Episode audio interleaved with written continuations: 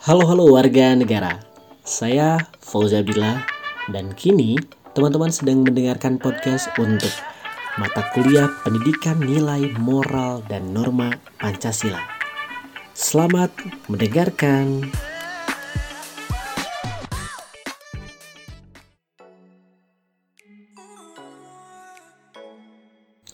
Baik, kali ini kita akan bersama-sama mempelajari mengenai konsep dasar etika, moral, dan norma. Nah, seperti teman-teman tahu, mungkin uh, kita sebetulnya uh, mengenal kata-kata tadi etika, moral, dan norma.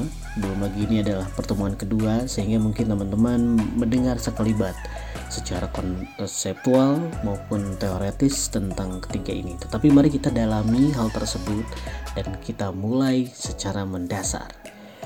Nah, eh, seperti kita tahu sebetulnya salah satu cara terbaik untuk mencari sebuah kata itu kita bisa melihat kamus. Misalkan kita membicarakan hal pertama nih, kita akan membahas tentang konsep dasar etika. Secara kebahasaan sebetulnya ada perbedaan mencolok nih kalau kita membandingkan apa yang dikatakan di kamus lama eh, KBBI ya eh, ke kamus yang baru. Nah, di kamus yang lama, etika itu dijelaskan sebagai ilmu pengetahuan tentang asas-asas akhlak atau moral. Nah, jadi sebetulnya kamus lama memang hanya mengenal satu arti. Nah, etika ini sebagai ilmu. Tadi ya, ilmu pengetahuan tentang asas-asas akhlak. Nah, seandainya penjelasan ini benar dan kita membaca uh, dalam koran misalkan nih, dalam dunia bisnis etika merosot terus misalnya atau dalam apa dalam disertasi, tesis ataupun skripsi etika anak muda sekarang tengah merosot misalkan. nah sebetulnya kan uh, kita bisa lihat nih uh, dalam hal tersebut kita bisa mengartikan bahwa memang etika di sini bisa kita artikan sebagai ilmu. Tetapi kan yang dimaksudkan dalam kalimat seperti itu ternyata sebetulnya bukan etika sebagai ilmu kan. Nah, kita bisa menyimpulkan sebetulnya kalau kamu selama nah, penjelasannya itu ya kurang lengkap lah. Belum lagi kompleksitas hidup semakin sini semakin kompleks. Nah gini kalau kita melihat di kamus besar yang baru eh, sebetulnya di SD 1 di tahun 88 satu tahun sebelum saya lahir sebetulnya itu. Nah di situ etika dijelaskan dengan membedakan sebagai tiga arti. Oh ini lebih lengkap nih. Tadi uh, satu sekarang tiga. Yang pertama masih nih. Ilmu tentang apa yang baik dan apa yang buruk dan tentang hak dan kewajiban moral. Itu arti pertama. Arti kedua kumpulan asas atau nilai yang berkenaan dengan akhlak. Sedangkan ahli ketiga arti ketiga maaf ya nilai mengenai benar dan salah yang dianut suatu golongan atau masyarakat Nah, kalau kita lihat kan di sini kamus ini lengkap banget. Nah, dengan penjelasan ini kan kita bisa melihat uh, dan kita bisa mengerti tentang kalau ada kalimat seperti tadi uh, moral eh maaf, misalkan perilaku bangsa ini uh, etikanya tengah merosot terus. Nah, kalau dalam dunia bisnis misalkan etika merosot terus, dalam dunia politik etika merosot terus. Nah, di sini etika bisa di pakai uh, dengan arti yang ketiga tadi. Arti ketiga itu kan uh, nilai mengenai benar dan salah yang dianut suatu golongan atau masyarakat. Jadi memang lensanya lensa kolektif. Nah ini kan juga uh, sebetulnya ada edisi keduanya dari KBBI ini yaitu ada entry terbaru nah entry pertama adalah etik nah di tahun sebelumnya itu belum ada dan ada etika Nah, sebetulnya etik ini meliputi arti kedua dan ketiga dari yang tadi. Kenapa? Arti kedua dan ketiga itu kan membahas tentang uh, kumpulan asas atau nilai yang berkaitan dengan akhlak. Nah, yang ketiga itu nilai mengenai benar dan salah. Nah, itu sebetulnya masuk ke etik. Sedangkan etika itu adalah ilmunya. Nah, kalau kita lihat kan sebetulnya etika ini adalah uh, bisa dimengerti sebagai ilmu yang mempelajari etik. Ada pendapat lain sebetulnya terkait uh, etika ini.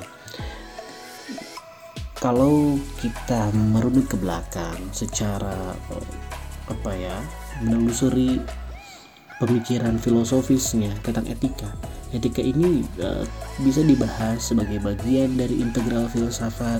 Seperti kita ketahui bahwa ada metafisik ada epistemologis ada estetika. Nah satu lagi etika. Jadi memang salah satu bagian integral dari filsafat. Nah kalau secara kategorikal etika ini sebetulnya bisa dibahas. Misalkan kan ada etika profesi ada etika jabatan, ada etika kerja, misalkan kalau di dalam pemerintahan ya. Lalu sebetulnya uh, kalau secara definisi uh, saya memiliki preferensi untuk uh, mengutip Bertens. Saya rasa teman-teman harus membeli bukunya Bertens, K. Bertens ya. Judul bukunya itu Etika. Itu dibahas lengkap sekali terkait ini. Nah, Bertens menjelaskan etika sebagai seperangkat nilai-nilai dan norma-norma moral yang menjadi pegangan dari seseorang atau suatu kelompok dalam mengatur, mengatur apa yo? Mengatur tingkah laku. Nah, sedangkan ada eh, referensi lain yang menyebutkan bahwa prinsip-prinsip moral yang disepakati bersama oleh suatu kesatuan masyarakat yang menuntun perilaku individu dalam berhubungan dengan individu lain di masyarakat. Itu etika.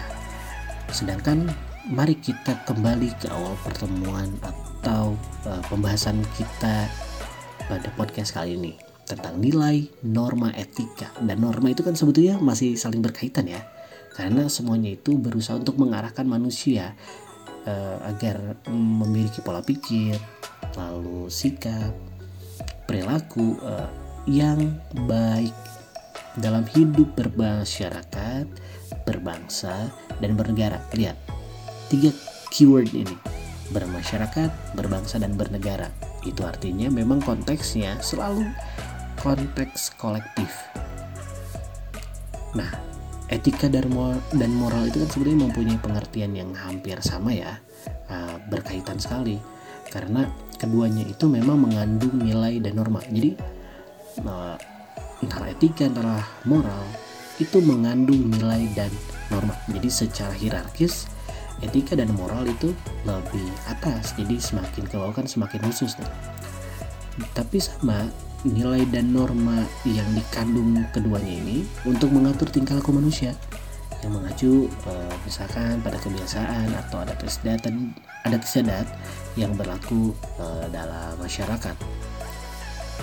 Jadi sebetulnya gini, moral moral itu memang lebih condong pada pengertian nilai baik dan buruk. Saya ulangi ya, pengertian dari nilai baik dan buruk dari setiap perbuatan manusia itu sendiri. Nah, sedangkan etika itu ada ilmu yang mempelajari yang barusan mempelajari tentang baik dan buruknya oke ya jadi yang satu memang memberikan pengertian nilai baik dan buruk dari setiap perbuatan. Udah praksis banget tuh. Sedangkan etika itu ilmu yang mempelajari tentang baik dan buruknya. Gitu. Itu ilmunya. Yang satu itu praksisnya satu secara teoritisnya.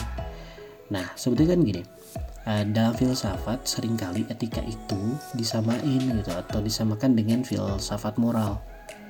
Kenapa? Karena terminologi etika itu bisa disebut juga sebagai ilmu yang baik dan buruk atau apa ya ngebahas tentang baik dan buruk seperti yang tadi kita sebutkan. Uh, dan dengan kata lain, uh, etika ini juga uh, berkaitan atau bisa disebut sebagai teori tentang nilai. Nah, saya ulang lagi ya jadi menurut Burton, etika itu sebetulnya nilai, norma, dan ajaran menjadikan pegangan. Itu, itu pertama. Etika juga itu sebetulnya kumpulan asas-asas, nilai-nilai atau kode etik misalkan. Un, e, dalam kaitannya dengan aktivitas atau profesi tertentu. Etika guru, gitu, etika pengacara misalkan, etika politisi, walaupun kita tahu politisi sekarang sepertinya sulit sekali menunjukkan etika ini. Lalu etika bisa kita sebut sebagai cabang ilmu gitu ya tentang perbedaan tingkah laku manusia oke dan uh, ya kita ngebahas kan tadi kita ngebahas tentang etika. Sekarang kita turunkan menjadi moral. Nah moral itu sebetulnya bisa kita sebut sebagai hal-hal yang dapat mendorong manusia untuk melakukan tindakan yang baik gitu. Tindakan yang baik keywordnya adalah memang mereka melakukan tindakan yang baik sebagai keharusan apa gak sih? Uh, jadi kayaknya itu harus banget dilakukan. Uh, itu harus banget uh, tercermin pada setiap orang. Nah moral juga di sini bisa kita sebut sebagai sarana gitu ya untuk uh, apa ya mengukur benar atau tidaknya sikap atau tindakan manusia. Sehingga kita tahu nih sebetulnya moral itu se sejenis kepekaan gitu. Sejenis kepekaan dalam pikiran dalam perasaan dan dalam tindakan. Apa kaitannya? Yaitu terhadap prinsip-prinsip dan aturan-aturan yang ada gitu. prinsip dan aturan itu kembali lagi semuanya berkaitan pada kehidupan kolektif. Jadi tidak dalam kehidupan sendiri.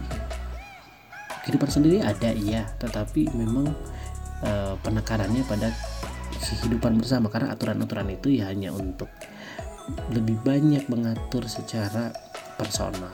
Eh maaf kolektif maksudnya. Nah tadi norma tuh. Sekarang kita turunkan lagi ke norma. Tadi moral ya. Sekarang kita turunkan ke norma. Nah norma itu sudah sangat praksis nih. Norma itu udah menyebutkan sebagai pedoman gitu ya. Terus dia itu sebagai ukuran juga. Dan kalau dalam penelitian ada kriteria-kriteria gitu ya. Atau ketentuan yang mengatur tingkah laku manusia dalam masyarakat berdasarkan nilai-nilai tertentu itu juga tahu kan etika itu mengatur juga tentang nilai membahas tentang nilai lalu moral membahas tentang baik dan buruk nah di sini um, ada pedoman, ada ukuran, ada kriteria, ada ketentuan untuk mengatur tingkah laku manusia dalam masyarakat berdasarkan nilai-nilai tertentu tadi. Gitu. Nah, apa ya? Dan norma itu keunikannya adalah mengandung sanksi, gitu ya. sanksi dan penguatan terhadap tingkah laku manusia. Jadi jika kita melanggar norma, biasanya kita mendapatkan uh, sanksi gitu dan nilai dan norma ini uh, norma ini juga memang uh, dijadikan sebuah alat untuk penguatan terhadap tingkah laku manusia kalau uh, teman-teman masih ingat ya pelajaran PPKN zaman SMP saya ini ngebahas tentang beberapa macam norma uh, saya rasa teman-teman sudah hatam terkait ini ada norma kesopanan misalkan ada norma kesusilaan ada norma agama, ada norma hukum. Nah, kita bisa melihat seperti tadi ya, kalau e, mengaitkan kesopanan, kesusilaan, agama, hukum dengan e, definisi yang sebelumnya, kan memang norma itu bentuknya pedoman. Kalau misalnya kita sebutin nih kesopanan, norma kesopanan itu artinya pedoman kesopanan, ukuran kesopanan. Sopan atau tidaknya segimana gitu misalnya. Atau kriteria sopan itu macam apa? Nanti kita sebetulnya bisa bahas uh, secara apa ya secara contoh di dunia nyata dalam diskusi yang akan kita laksanakan.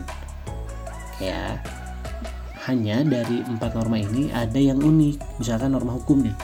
Hukum itu punya karakteristik tersendiri. Dia punya sanksi yang tegas dan imperatif tuh ya imperatif uh, sebuah uh, turunan dari hukum gitu. Dan uh, jika dibandingkan dengan norma-norma yang lain norma hukum ini yang paling tegas gitu. Jadi sangat berbeda. Sehingga uh, kita bisa simpulkan ada kaitan secara hierarkis ataupun secara umum ke khusus ataupun teoritis dan praksis tentang bagaimana men menurunnya gitu ya semakin khususnya dari etika lalu lanjut ke moral lalu lanjut ke norma.